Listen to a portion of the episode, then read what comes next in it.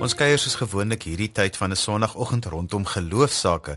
Goeiemôre, ek is Johan van Lille en jy's ingeskakel by Sondagjoernaal.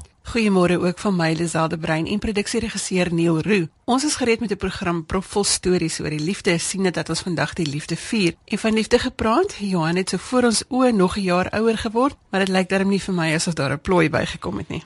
Ons vra vanoggend vir Dr. Andri Silje wat dit beteken as ons sê God is liefde en ons hoor ook van Danny Fourie oor wanneer 'n sprokies liefdesverhaal met die werklikheid van die lewe gekonfronteer word. Danny is natuurlik die stem agter die Bybelvoorlesings wat elke Sondagoggend net voor die 7uur nuus hier vanuit ons ateljee uitgesaai word.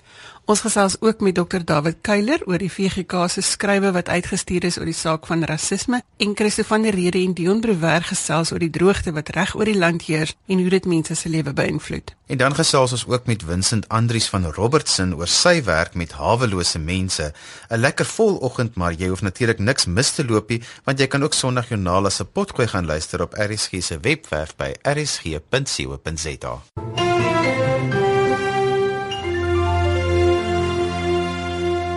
Dit is vandag die 14de Februarie en tradisioneel die dag waarop die liefde wêreldwyd gevier word met rooi harte en baie sjokolade. So ons gaan vandag ook 'n bietjie fokus op die liefde, maar meer die groot liefde wat vir Christene wêreldwyd al die verskil maak. Om ons te help verstaan wat dit bedoel as ons sê God is liefde of die grootste hiervan is die liefde, kyk Dr. Andri Silje saam met ons in die ateljee vanoggend. Goeiemôre Andries. Goeiemôre Lisel. Lekker om jou hier by ons te hê. Lekker om hier te wees, dankie. Andries, kom ons begin sommer. As ons sê God is liefde, wat behoort dit vir ons te beteken? Beteken? Ek dink die woorde God is liefde wat ons nou uh, kry in 1 Johannes 4 so kernagtig uitgedruk sê vir ons dat liefde is nie 'n keuse wat God maak jy weet hy bestaan nou in ewigheid en op 'n punt dan besluit hy nou maar goed gaan ek lief hê gaan ek lief hê nee dan besluit hy goed ek sal lief hê nie liefde is God se karakter God kan nie ophou om lief te wees nie. God kan nie ophou om liefde te gee nie. Niks kan toegevoeg word of weggeneem van sy liefde nie. As nie iets wat kan maak dat hy my minder liefhet of meer liefhet nie. Hy het my volkome lief van alle tye af want dit is dis wie hy is, dit is sy karakter. En dat hierdie liefde dan in die skepping bewys word wanneer God ruimte maak vir dit wat nie God is nie. vir dit wat anders is as as hy self, as God self. Ehm um, en ek dink dit is 'n verskriklik belangrike ding want dit sê alreeds vir ons dat liefde is om ruimte te maak vir wat anders is, vir wat nie ek is nie. Liefde is nie om in besit te wil neem nie. Liefde is nie om te sê wel ek wil jou nou 'n blik druk, jy moet wees soos ek wil hê jy moet wees, jy moet aan my behoeftes voldoen nie, maar liefde is juis wanneer ek jou in jou andersheid waardeer. Wanneer ek vreugde vind in wie jy is, nie in wie ek wil hê jy moet wees nie. Die hoogtepunt vir ons natuurlik van van die liefde lê in in Christus se koms na die aarde en die menswording. Dat God se liefde neem gestalte aan in Christus. Dit word vlees en daarom dink ek kom 'n tweede ding vir ons duidelik en dit is dat liefde moet gestalte aanneem. Is iets wat gedoen word. Uh, Johannes 4 waar daar gepraat word oor God se liefde praat van God het sy liefde vir ons bewys. Werklike liefde is dit wat God bewys het. Liefde moet bewys word nie in die sin van uh soos wat ek 'n wetenskaplike eksperiment probeer reg bewys nie. Uh maar in die sin van ek doen liefde. Liefde word gedoen. Dis nie iets net wat ek voel nie maar dit uh, soos mense nou vandag liefde doen deur vir mekaar rose en sjokolades en goeders te te gee uh, uh wat mense nou ook kan doen. Ek wil daaroor nou nie 'n negatiewe woord sien maar dit is 'n dag vir dag se doen En wat 'n mens dan doen is om jouself te gee vir die ander, om jouself om te sê hier is ek, ek gee myself soos wat ek regtig is. Want dit is wat God in Christus gedoen het. Dit is die werklike liefde dat God homself vir ons kom gee. Uh nie op 'n manier dat hy dat hy ons dan in besit wil neem op 'n negatiewe manier en ons in 'n blik wil druk nie, maar juist sodat ons ook tot onsself kan kom waar God homself in Christus vir ons gee, floreer ons as mense so liefde liefde uiteindelik dink ek laat mense floreer. Uh liefde laat mense besef hoe spesiaal hoe wonderlik hulle is. As ek jou liefhet dan behoort my liefde vir jou iets te laat besef van jou waarde, die waarde wat jy is met God se mens, het wat na God se beeld gemaak is.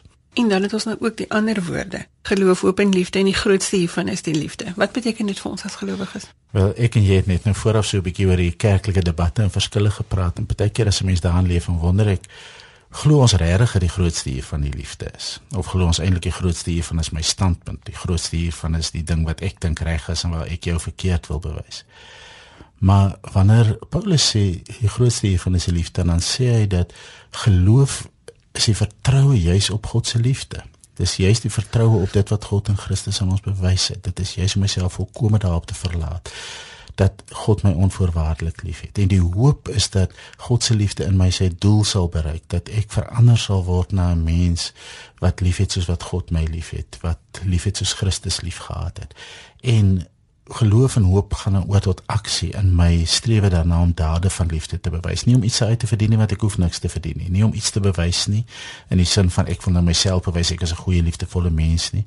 Maar dood eenvoudig omdat ek staan in hierdie vloei van liefde wat van God af kom na die wêreld toe. En daarom bewys ek ook liefde. Daarom skep ek ruimte vir ander mense en hulle andersheid ek gee myself vir mense waar God dit van my vra.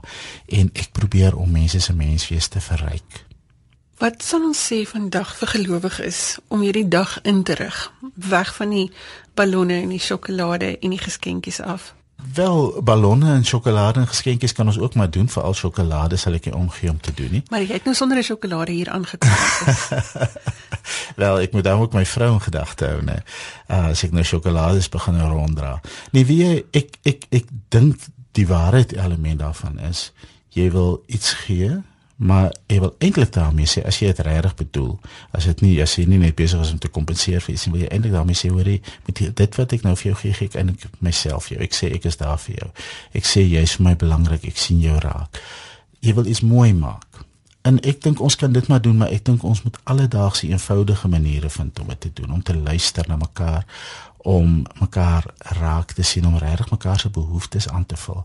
My gebed vir Christene vir die dag sou wees soos wat Paulus bid mag julle liefde groei in begrip en 'n fyn aanvoeling sodat julle weet waarop dit regtig aankom wat regtig die belangrike ding in die lewe is. Interessant Dr. Andri Silje hier by ons in die ateljee vanoggend.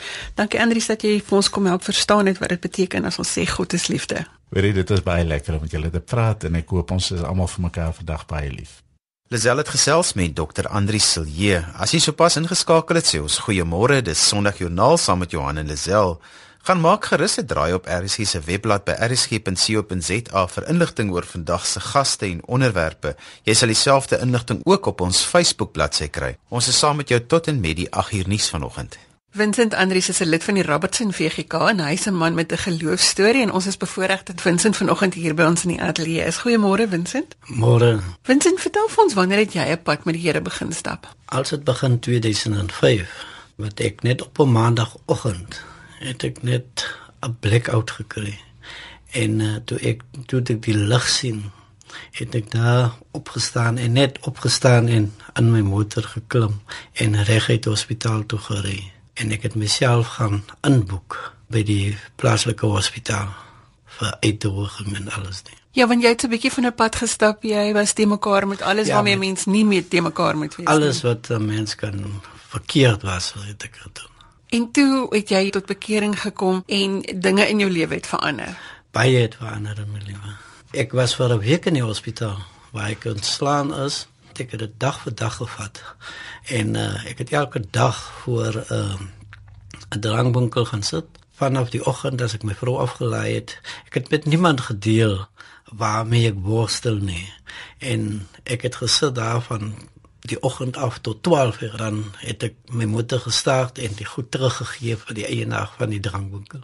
Maar wens in ons program fokus vanoggend op die liefde en jy vir 'n groot liefde staak met die hawelose mense in Robertson. Jou geloof het gemaak dat jy in aksie kom. Vertel vir ons, wat doen jy? Ek werk met hawelose stikkende mense. Die passie het gekom toe ek die een dag daar sit voor die voor die drankwinkel en toe die vrou kom en in die dromkrap en ek het gegaan en ek het na toe gegaan en vra gevra maar kom doen sy dit en toe ek vir gesê ek gaan vir jou 'n brood koop en koeldrank en vis. En ons twee het geëet en ek het gevra waar bly sy? Sy het vir my gewys dat sy bly oor die treinspoor.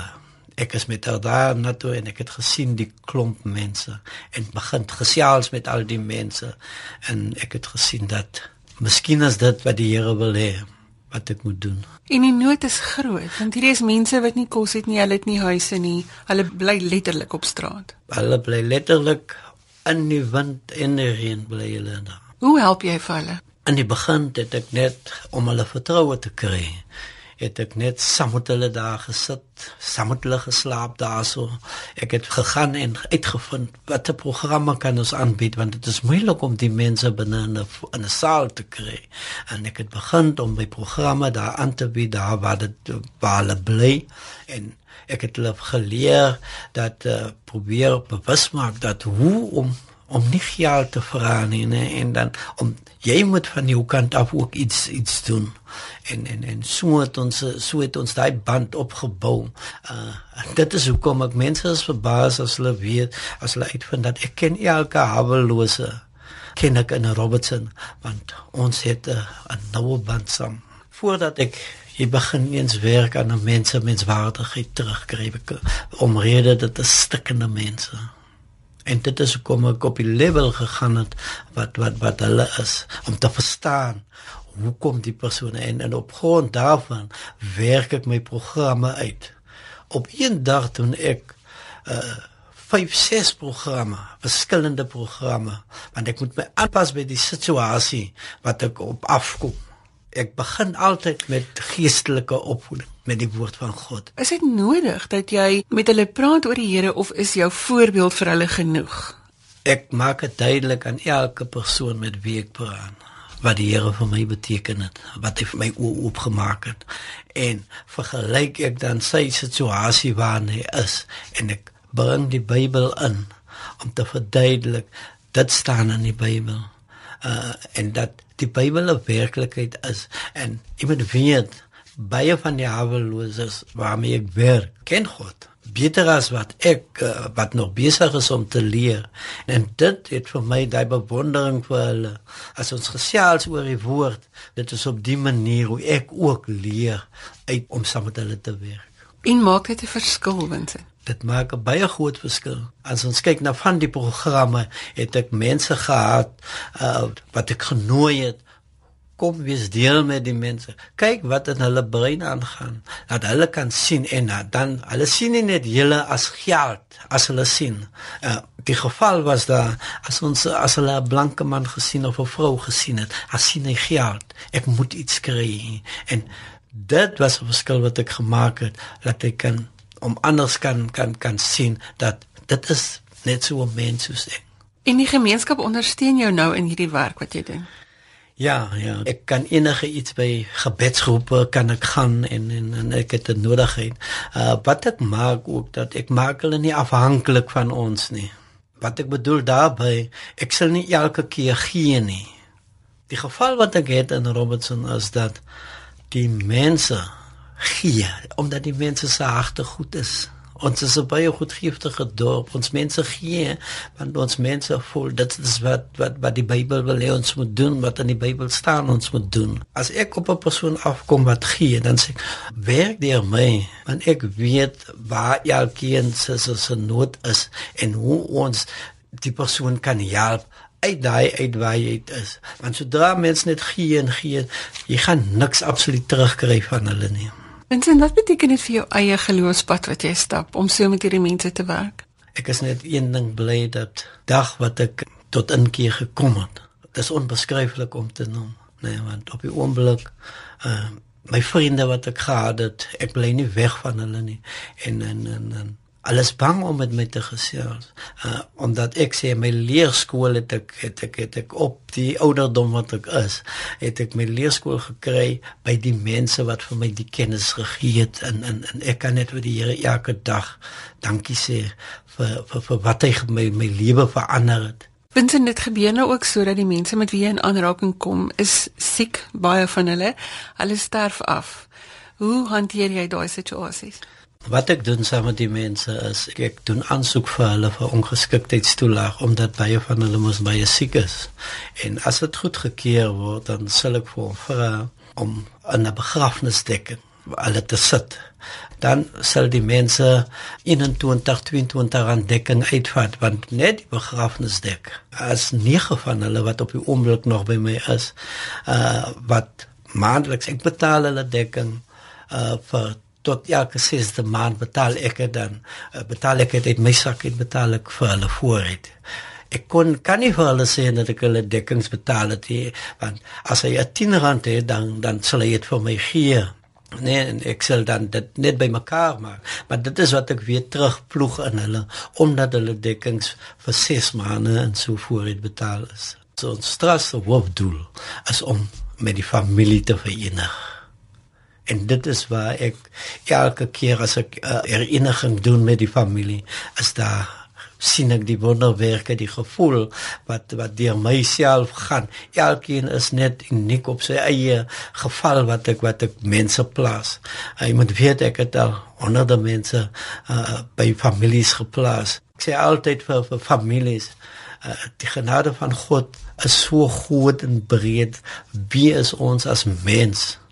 Nee, om nie te vergewe nie. En dit is die storie van Vincent Andries wat in geloof en in liefde 'n verskil maak in sy omgewing. Vincent, baie dankie vir die werk wat jy doen. Baie dankie.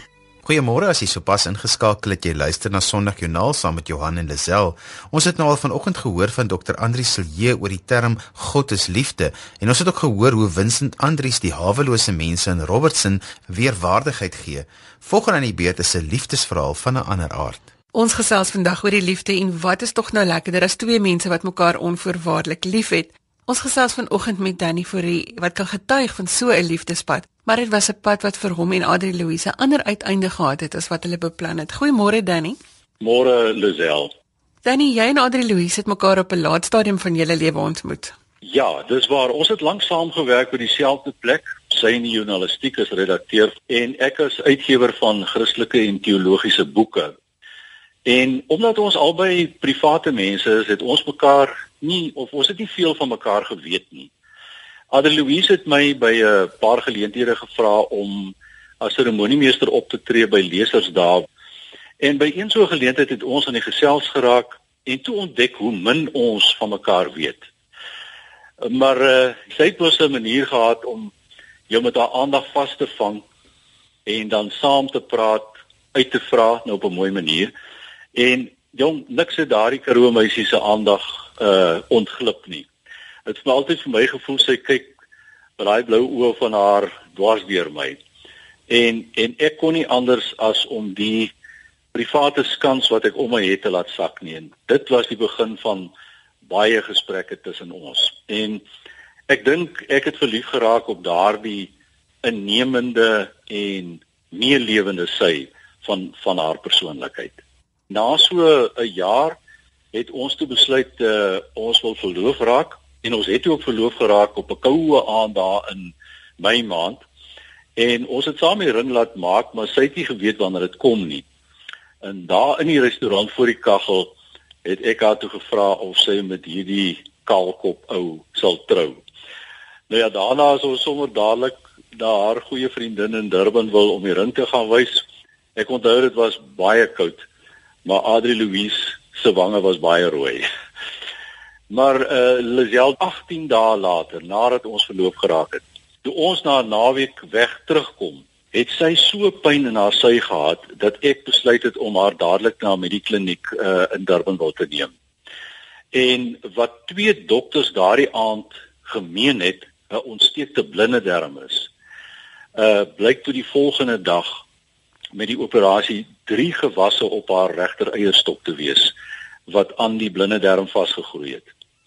En in die volgende dae en met baie toetse is toe vasgestel dat sy daardie gevreesde Kroekenberg tumor of gewas in haar kolon het en uh, wat na haar vroue dele versprei het en en natuurlik die die slegte daarvan was dat dit ook na haar lewer versprei het. En die diagnose was fase 4 kanker. Dan en toe verander hierdie sprokie nou in 'n ware verhaal van twee mense se pad met kanker. Vertel ons van die die proses waardeur jy toe moes gaan. Ja, uh, nog 'n groot operasie het toe nou gevolg natuurlik as na naal en nou al daai toetse gedoen het waar hulle toe 'n deel van haar kolon moes verwyder en ook toe 'n uh, eh, totale hysterektomie gedoen het. Nou met kanker het 'n mens uh van daardie aard het jy eintlik net 3 opsies. Dis chirurgie, bestraling en chemo. En al wat vir ons oorgebly het na die chirurgie was die chemo. En Adri Louise het oor 'n tydperk van 19 maande 20 chemosessies gehad. Dit is in enige kankertaal, jy weet, 'n uh, 'n uh, 'n uh, ongelooflike uh hoeveelheid sessies. Sy het nou maar altyd uh ook daarvan vertel en geskryf in haar nuusbriewe oor die blou stoel waaraan sy gesit het. Daar was drie sulke groot blou stoele by die betrokke uh, chemokamer. En dan het ons nou maar op 'n Woensdag soontoe gegaan nadat sy nou eers weer toetse gehad het, bloedtoetse ensovoorts met 'n tussentydperk van so 2 weke rus en hulle het vir haar 'n poort onder haar vel ingeplant en dan het hulle nou die drip daarin gesit en dan eintlik vir 3 dae het het het die uh chemo in haar ingedrup want ons is dan met 'n pompie huis toe en dit is dan weer op 'n Vrydag uitgehaal. En ja, dit was uh jy weet uh, elke keer wat ons daar kom, dan het jy maar ook 'n 'n 'n soort van 'n identifikasie met die ander wat daar is, want almal uh loop dieselfde pad. Uh die die soorte kankers verskil maar net, maar elkeen sit daar met sy eie bekommernisse, met sy eie vrese en elkeen wonder maar wat wat wat gaan gebeur. Nou eh, tot en met die laaste chemo het Adri Louise wonderbaarlik goed gelyk en het haar liggaam en veral haar lewer die chemo en die kanker goed hanteer. Maar na 21 maande sedert sy gediagnoseer is, het die eerste tekens begin wys dat haar lewerfunksie afneem. En die onkoloog het vir ons gesê ons moet ons hoop op totale genesing, ons sal dit moet aanpas. Ons het natuurlik bly hoop op 'n wonderwerk Maar die laaste 3 maande van haar lewe het dit al hoe duideliker geword dat ons die onvermydelike sal moet aanvaar. En sedert die dag dat sy gediagnoseer is, het sy 2 jaar en 4 dae geleef. Danny, wat het hierdie pad met julle geloofslewe gemaak? Lisel niks berei 'n mens voor vir 'n beproewing soos waardeur ek en Adri Louise moes gaan nie. Die skok van so 'n beproewing, nê, keer jou hele wêreld en jou lewe om. Al is jy iemand wat baie na aan die Here leef. 'n Krisis soos waartoe ons gegaan het, konfronteer jou met jou geloofs-oortuiging. Dit wat jy jou lewe lank bely het en so maklik geglo het, elke stukkie van die puzzle, die lewenslegkaart wat jy gedink het jy weet waar elke stukkie pas, is skielik nie meer so maklik nie. Ons was nooit kwaad vir die Here nie.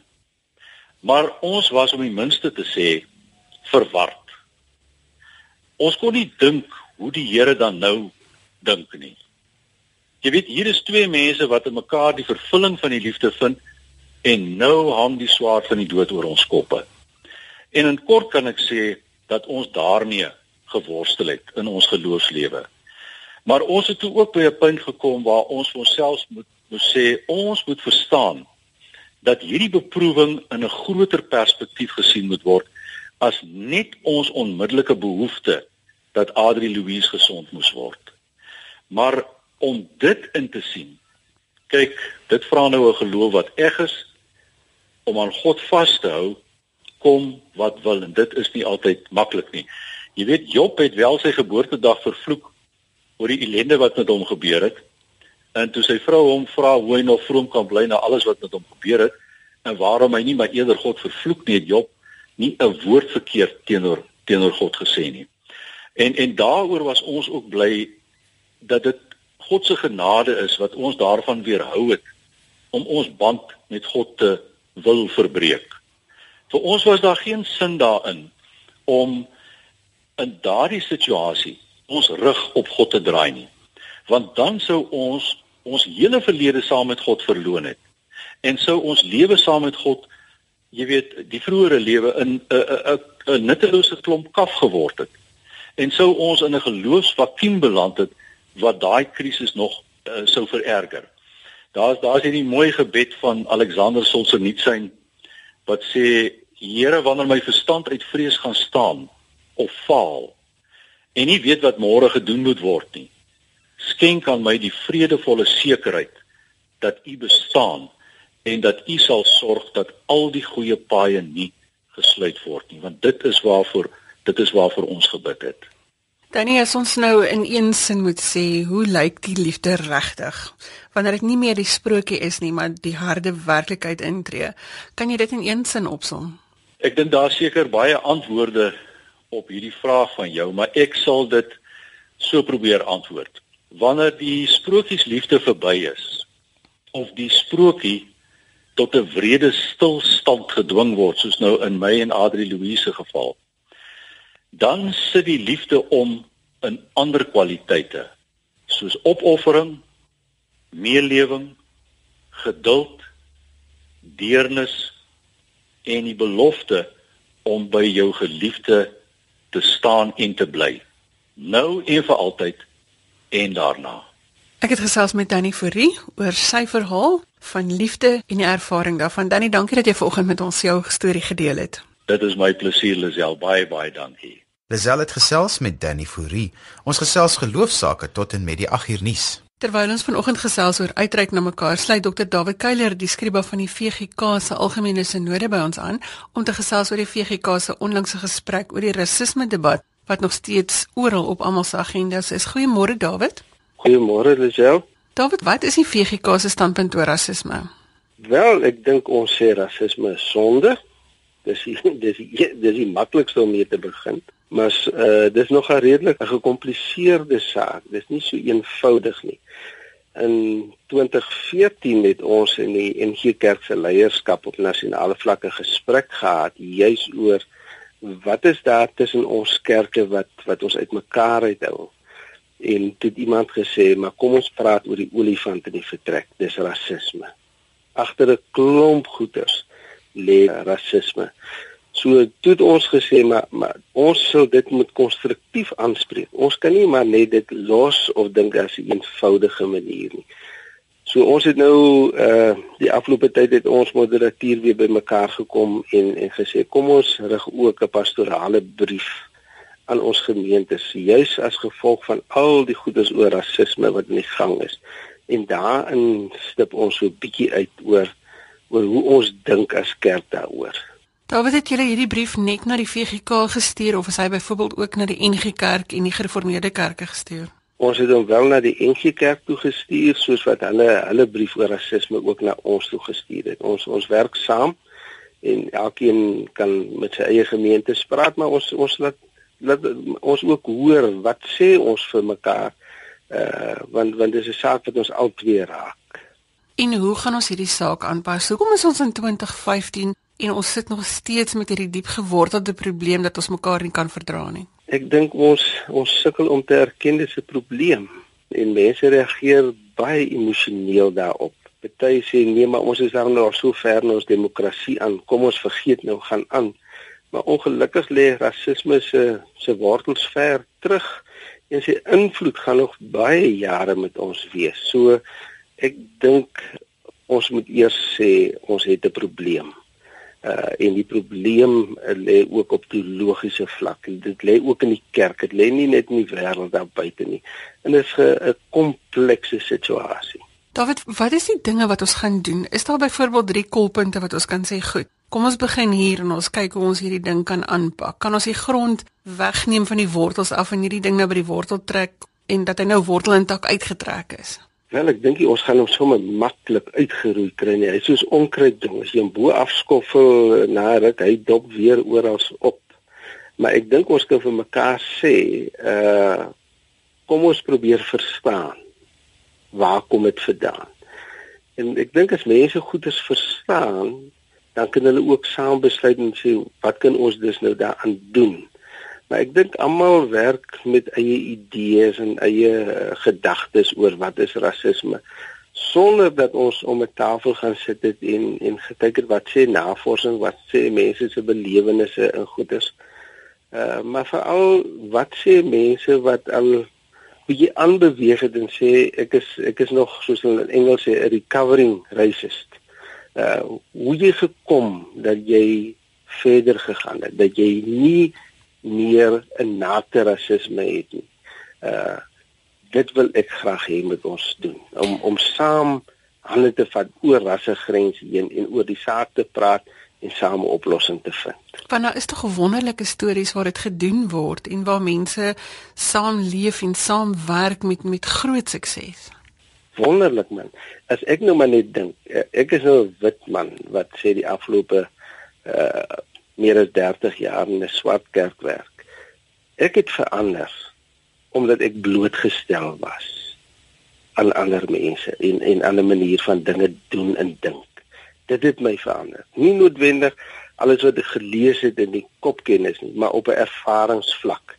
En ek dink uh dit kan 'n groot rol speel as mense mekaar as mense begin ervaar en 'n veilige ruimte het om met mekaar te praat oor goed, nie om mekaar te veroordeel nie, maar om mekaar te hoor en begrip te kry.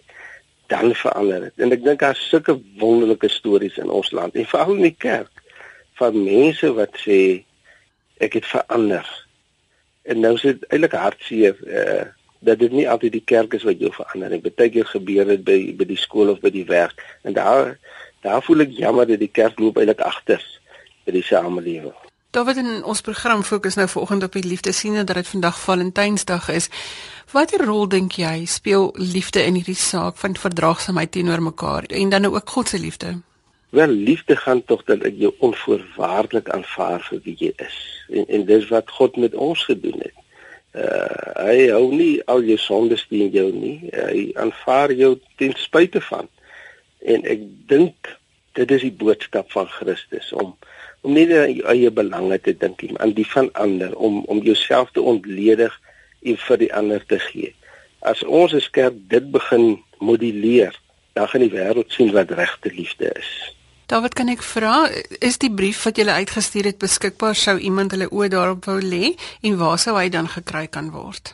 Ja, hy is beskikbaar. Uh ja, mense kan vir my uh e-pos stuur uh en ek kan dit vir hulle aanstuur. Dis ook op ons Facebook bladsy uh beskikbaar uh en ook by die NG Kerk. Uh, ons het dit vir hulle ook aangestuur. Dit is ongelukkig net in uh, in Engels want ons kerk praat so baie tale en dis nou maar die die kommunikasie medium dat ons dit in Engels doen maar ek dink ons luisteraars verstaan almal goed Engels. Ons gaan nou nie vanoggend die taaldebat aanvat nie David. Gee gou vir ons jou e-posadres sodat ons dit vir die mense kan gee en ons sal ook 'n brief op Sondagjoernaal se Facebookblad plaas. Dis D Keiler K U lang Y L E R @telkomsa.net. Ons het gesels met Dr David Kuiler van die Verenigde Gereformeerde Kerk. Dankie David dat jy vanoggend jou tyd saam met ons spandeer het. Dis baie 'n plesier.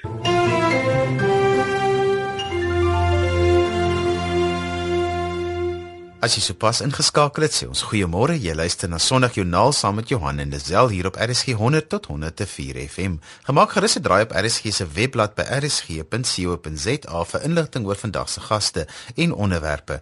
Jy sal dieselfde inligting ook op ons Facebookbladsy kry.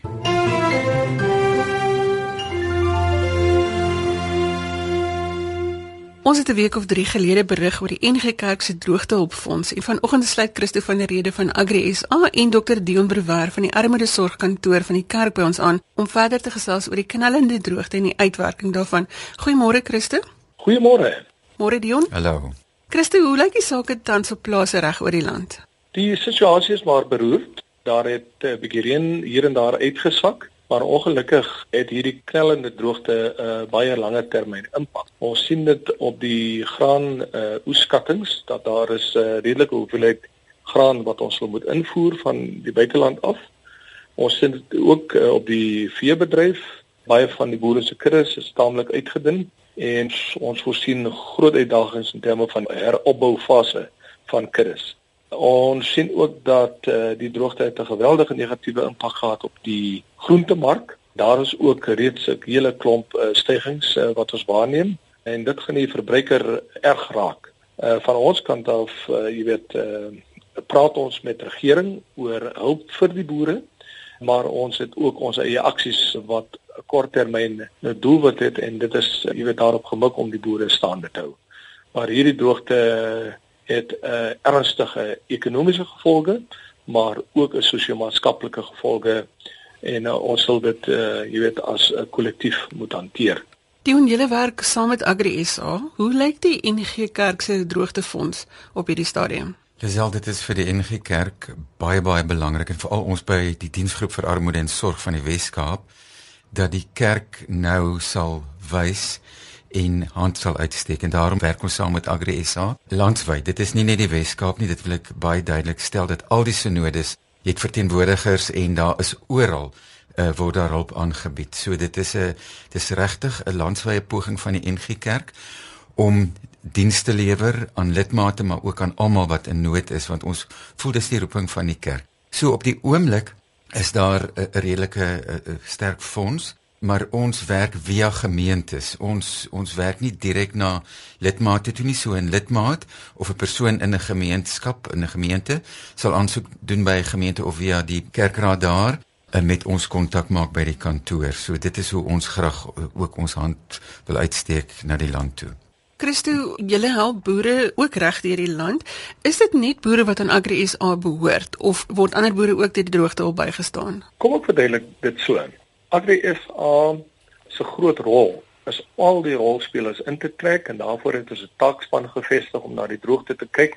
Ons het ook 'n span wat met regering interaksies het en dan het ons 'n span wat onder my beheer staan en hierdie span se verantwoordelikheid is om fondse te werf uh, en om uh, al die logistieke reëlings in plek te sit sodat ons uh, die provinsies kan bystaan om voer te bekom en ander forme van humanitêre hulp te bekom. Ons provinsies en ons provinsiale strukture is getaak met die operasionele gedeelte uh van die droogte ramp uh hulpaksies. Uh, elke provinsie het 'n hele klomp geaffilieerde boereverenigings en ons het 'n uh, lys saamgestel met sekere kriteria wat hulle moet volg om seker te maak dat ons wel die voer en ander forme van humanitêre hulp met die boere wat getref word deur die droogte uit te kry. Nou daar is 'n paar prosesse wat gevolg is alreeds. In ander woorde, ons het voer geskuif tussen verskillende boereverenigings. Die boereverenigings het ook 'n opdrag gekry om die saak holisties aan te spreek. In ander woorde, ons kyk nie net na kommersiële boere nie, maar ons kyk ook na die plaaswerkergemeenskappe en ons doen ook 'n opname onder kommunale boere of opkomende boere. Uh waar daar werklike nood bestaan, uh gee ons dan daai uh, inligting deur na die provinsiale kantore toe en elke provinsiale kantoor het reeds 'n uh, groot som geld van ons ontvang sodat hulle hierdie geld kan aanwend om voer aan te koop, om die vervoer te subsidieer en ook om te behulpsaam te wees met ander forme van humanitêre hulp. Kyk, ons kry baie aanbiedinge van Pick n Pay, ons kry aanbiedinge van Woolworths, ons kry aanbieding van verskillende banke. Ons het ook verskillende ander groepe soos die BMG groep wat wil betrokke raak of wat betrokke is. Ons het ook die kyknet span wat ook betrokke raak en ons gee daai inligting en hulle verdeer na die provinsies toe en hulle staan hulle by, dan by met die logistieke reëlings. Christen, jy praat nou ook baie met die boere. Wat is die algemene gevoel van hoe hoe die boere se gemoedstoestand is? Die, die boere se gemoedstand is verskriklik negatief. Ek kry daagliks kry ek briewe van boere wat soewat om hulp en ek gee dit onmiddellik deur aan die provinsies en hulle rapporteer op 'n daaglikse basis aan my weet hulle gehelp en wie kon hulle hulp beloof want onmiddellik jy weet jy, jy kan nie altyd uh, onmiddellike hulp verleen nie. So uh, ons moet dit aan prioritiseer. En weet jy ons kry die mooiste briewe van van boereverenigings en van individuele boere wat hulle dankbaarheid uitspreek teenoor die hulp wat afleen word. Maar ons moet ook realisties wees. Die fonds staan nou in 'n omgewing van 8 miljoen. Ons hoop om uh, by 10 of 15 miljoen te kan uitkom, maar met daai bietjie geld gaan jy nie almal kan help nie.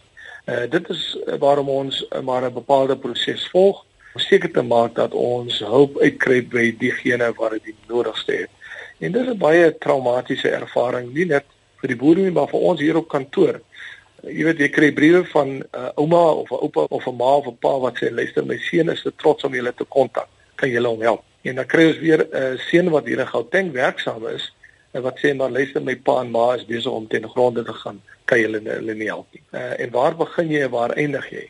Maar ek glo dat ek glo dat die prosesse wat ons volg is gebaseer op integriteit en die prioritisering van nood daar buitekant. Uh, en ja, ons sal nie by almal kan uitkom nie, maar minstens probeer ons maar dit is so belangrik dat boere moet deel vorm van 'n plaaslike netwerk. En die wat buitekant staan, moedig ons aan, raak betrokke by daai netwerk want as jy deel is van die netwerk en jy hulp nodig, hulp nie net in terme van droogteverligting nie, maar ook as jou veiligheid bedreig word, dan uh, weet jy jy's deel van 'n netwerk en daai netwerk gaan jou kom bystaan as daar nood is. Dion, as ek reg hoor, dan het boere reg oor Suid-Afrika meer as finansiële hulp nodig. Daar's regtig ook 'n nood aan berading as ek die woord berading kan gebruik. Lisel, ek wil eerstens sê ons by by die armoede en sorg kantoor kry leiding van hierdie wonderlike organisasie wat ons nou na geluister het en dis ook hulle wat vir ons gesê het dat die boere vra ook dat daar vir hulle gesorg word op 'n ander vlak op emosionele vlak en op geloofsvlak. Ehm um, nou in my ondervinding in my werk in die spreekkamer het ek oor jare agtergekom dat wanneer 'n mens nie weet waar jou middele vir jou lewensonderhoud vandaan gaan kom nie, het dit 'n geweldige emosionele effek op jou. Nou as ek nou luister oor die nood, dan moet ons van die gemeenskap se kant af en van gemeentes en die kerk se kant af ook ons hand uitsteek op 'n ander vlak as net emosionele nood want ons is mos nou nie net daar nie en daar moet dus baie baie mooi gedink word word ook hoe gee ons van die kerk se kant af en van gemeente se kant af bystand en ondersteuning dat ons mense ondersteun en nie nog vir hulle dit nog swaarder maak in hierdie tyd met hoe ons hulle hanteer wanneer ons na hulle toe gaan nie. Ons gaan in die volgende paar weke juis ook van 'n paar boere hoor en dan bietjie kyk of ons oor die emosionele en die geloofslewe daaroor kan gesels. Baie dankie Christo dat jy vanoggend vir ons tyd gemaak het om saam met ons te gesels. Dion, baie dankie dat jy by ons in die aklewe was. Ons waardeer julle insette. Plesier. Baie dankie. Die kontakdetail vir NG Kerk Droogtehulpfonds is www.ngdroogtehulp.co.za. Dit is NG Droogtehulp www.co.za en op Facebook ook NG Droogte Hulp kan jy daar soek. Ek groet tot later vandag vir ons in die onderwys net hierna as die 8 uur nuus van my Johan van Lille. Totsiens. Jy kan vir my e-pos met kommentaar of as jy 'n geloofstorie met ons wil deel by Lazel by WW Media Dis Lisel L E Z E L L E by www.media.co.za. Of jy kan ook vir ons 'n boodskap deur die webwerf stuur by rsg.co.za. Tot volgende week groet ek in liefde, ook namens produksieregisseur Neil Roo agter die kontroles. Tot dan, totsiens.